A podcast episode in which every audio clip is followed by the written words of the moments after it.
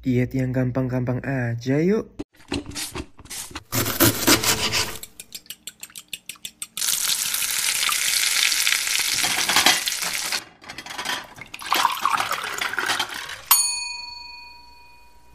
Balik lagi di podcast yang membahas segala hal tentang makanan, di mana lagi kalau bukan di Secret Recipe. Masih bersama Aldo di sini akan menemani kalian di beberapa menit ke depan dengan topik-topik bahasan yang menarik. Food lovers, apa kabarnya nih? Udah lebaran dan udah selesai waktu liburannya. Sekarang waktunya back to the reality ya. Yang lagi kerja, semangat kerjanya. Buat yang masih pelajar, kudu semangat juga belajarnya. Buat kalian yang lagi diet, ya sudah pasti dong harus back on track. Yes. Tetap jaga pola makannya dan semangat terus buat olahraganya. Buat kalian yang habis liburan nih dan baru niat untuk ngelakuin diet, karena habis dibilang gendut sama keluarga. Tapi bingung mulai harus dari mana, bingung diet yang mana yang harus diikutin, diet Atkins atau diet keto atau yang lain. Dan males banget buat ngitung-ngitung kalori ya kan kalau misalnya para apa namanya influencer kan bilang harus ngitung kalori gitu kan. Berikut sedikit tips singkat dan simple buat kamu semua. Tanpa berlama-lama lagi, langsung aja check this out. Tips ini nggak diambil dari referensi mana-mana, tapi lebih ke pengalaman pribadi saya dan mungkin bisa kalian terapin ke lifestyle diet kalian, apalagi bagi para pemula. Yang pertama adalah cobalah bergeser ke pola makan plant-based. Ya, Buat kalian food lovers yang masih makan daging-daging, it's okay, it's okay. Why, mas? kalian masih boleh kok makan daging dan daging juga bagus untuk sumber protein. Tapi daging di sini adalah daging-daging yang lean fat ya. Jadi kalau misalnya kalian mau masih mau makan daging sapi ataupun mohon maaf nih ya kalau ada yang makan daging babi boleh, tapi Pilihlah daging-daging yang kadar lemaknya itu le cenderung lebih rendah. Contohnya kalau misalnya di daging nih, kalau di steak ya, kayak tenderloin itu kandungan apa namanya lemaknya kan lebih rendah. Atau kalau di di babi itu kalian bisa di pork loinnya ataupun ya di bagian-bagian daging yang tidak banyak mengandung lemak atau tidak banyak menggunakan lemak dalam proses pemasakannya. Bergeser di sini saya yang dimaksud itu adalah perbanyak porsi sayur dan buah dalam piring kalian. Jadi bergeser ke pola makan plant based itu ya apa namanya diperbanyak. Jadi nggak apa namanya nggak totally langsung jadi uh, apa jadi vegan atau vegetarian. No, karena itu akan buat kalian jadi stressful juga kalau misalnya langsung ya kan kaget gitu ya. Tapi kalau di sini saya ngomong bergeser itu diperbanyak porsi makan sayur dan buah di piring kalian. Kenapa sayur dan buah? Karena sayur dan buah merupakan sumber serat pangan. Baik serat pangan yang larut maupun serat tidak larut. Jadi fungsi dari serat larut di sini adalah memperlambat pencernaan sehingga rasa kenyang bisa lebih lama. Karena kenyang lebih lama jadi kalian eh, nggak e, akan kalap kalau untuk pengen makan makanan yang lain. Selain itu, fungsi serat larut adalah membantu penyerapan lemak di dalam usus. Sehingga lemak berlebih bisa dibuang lewat feses. Jadi si serat larutnya ini yang membantu menyerap si lemak bukan maksudnya bukan ususnya yang menyerap lemak lebih banyak no maksud di sini adalah si serat larutnya itu karena serat larut itu adalah serat yang bisa larut di dalam air dan membentuk sebuah gel. Nah, si gel tadi itu akan menyerap lemak berlebih dari makanan yang kalian makan. Gitu. Dan juga menghambat penyerapan gula sehingga kadar gula di dalam darah itu tidak melonjak signifikan. Kalian bisa dapatkan sumber serat larut itu dari biji-bijian, kacang-kacangan, sayur, dan buah.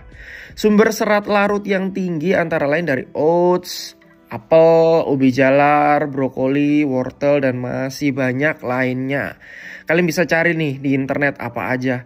Tapi kalau for your information ya, tiga serat larut yang saya tahu itu adalah beta glukan. Beta glukan itu bisa kalian dapatkan dari oats yang udah terkenal banget ya kalau misalnya di iklan-iklan.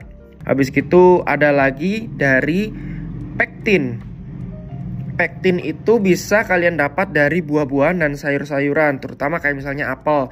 Apel itu kandungan pektinnya lumayan tinggi. Dan habis gitu ada yang terakhir adalah inulin. Inulin bisa kalian dapatkan dari susu, biji-bijian, kacang-kacangan, dan banyak lainnya. Kalian masih bisa searching lagi di internet kalau misalnya kalian pengen informasi yang lebih jelasnya. Sedangkan fungsi serat yang tidak larut adalah menjaga kesehatan pencernaan dan membantu penurunan berat badan.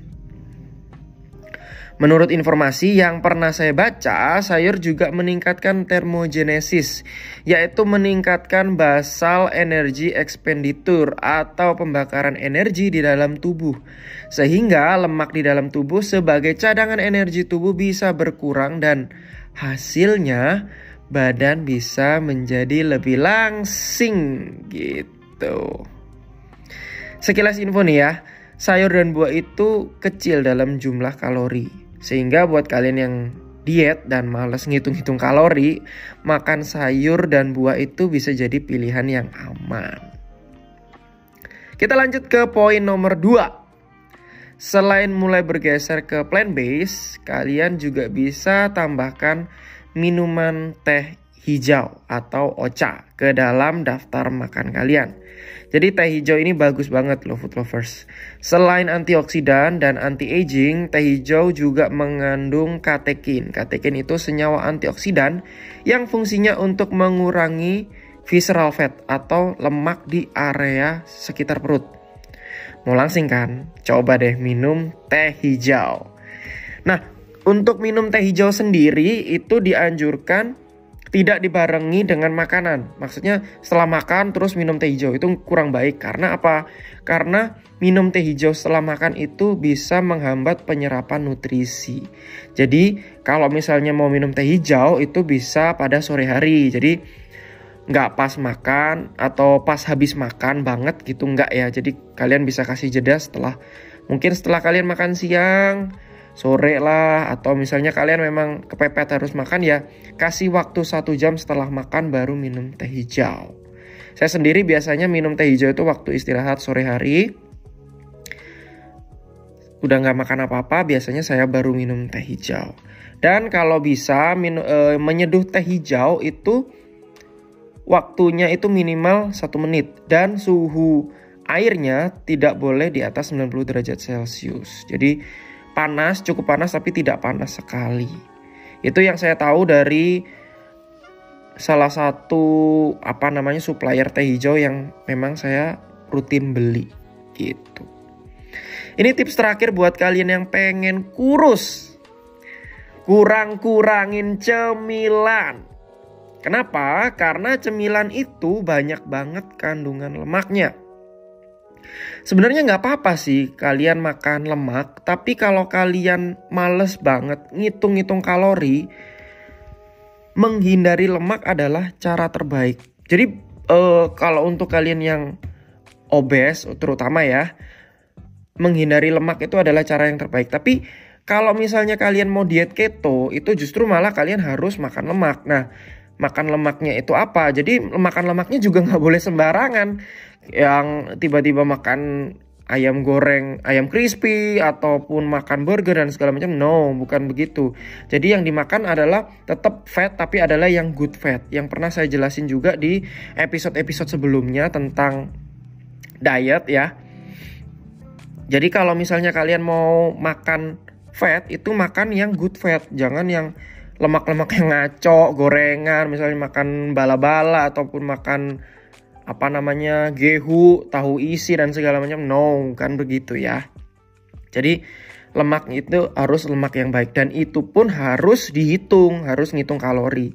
Jadi kalau misalnya kalian di sini saya sarankan untuk kurang-kurangin lemak, jadi nggak menghindari banget tapi kurang-kurangin karena lemak sebenarnya juga bagus untuk energi yang stabil di dalam tubuh kita. Apalagi kalau misalnya kalian berolahraga.